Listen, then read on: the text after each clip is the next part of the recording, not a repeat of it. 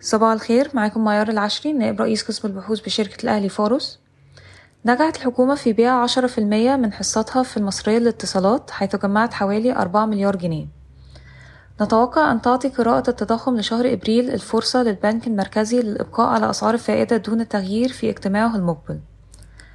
يتوقع السوق الآن أن يؤجل البنك المركزي المزيد من الانخفاض في قيمة الجنيه إلى إلى ما بعد تأمين تدفقات من العملات الأجنبية لتجنب تجاوز سعر الصرف. الأندية لشهر واحد لسعر الدولار مقابل الجنيه حاليا حول اتنين وتلاتين فاصل تسعين من أعلى مستوى قياسي عند خمسة وتلاتين فاصل تلاتين في خمسة وعشرين إبريل.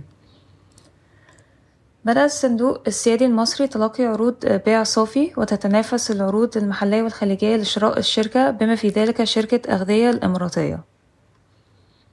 ستعرض الحكومة للبيع حصة حصة عشرين في المية المملوكة للدولة في بنك الإسكندرية. تنتهي اليوم مبادرة تسهيل استيراد السيارات للمصريين بالخارج بعد جمع 835 مليون دولار.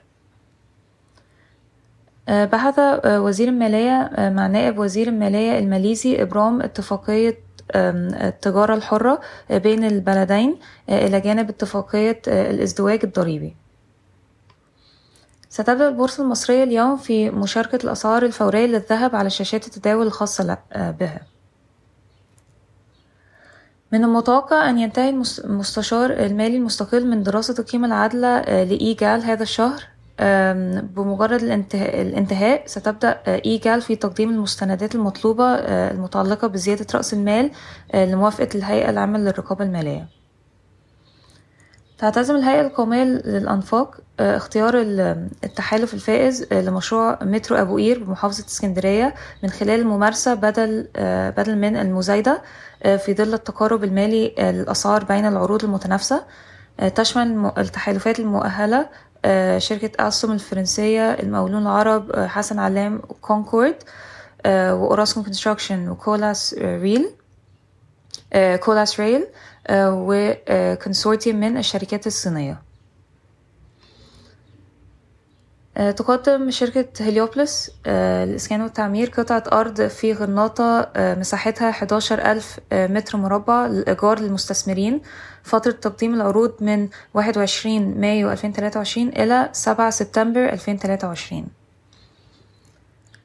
ظلت توقعات أوبك للطلب العالمي على النفط لعام 2023 ثابتة للشهر الثالث يوم الخميس. سيرتفع الطلب العالمي على النفط في عام 2023 بمقدار 2.3 مليون برميل في اليوم أي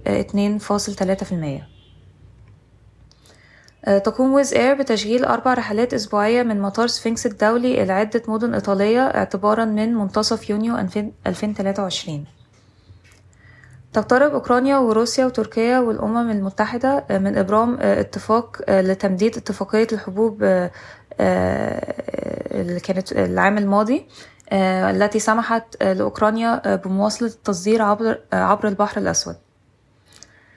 يتطلع مستثمر سعودي إلى بناء مشروع دواجن كامل في بني سويف بما في ذلك مصنع أعلاف على قطعة أرض مساحتها 130 فدان.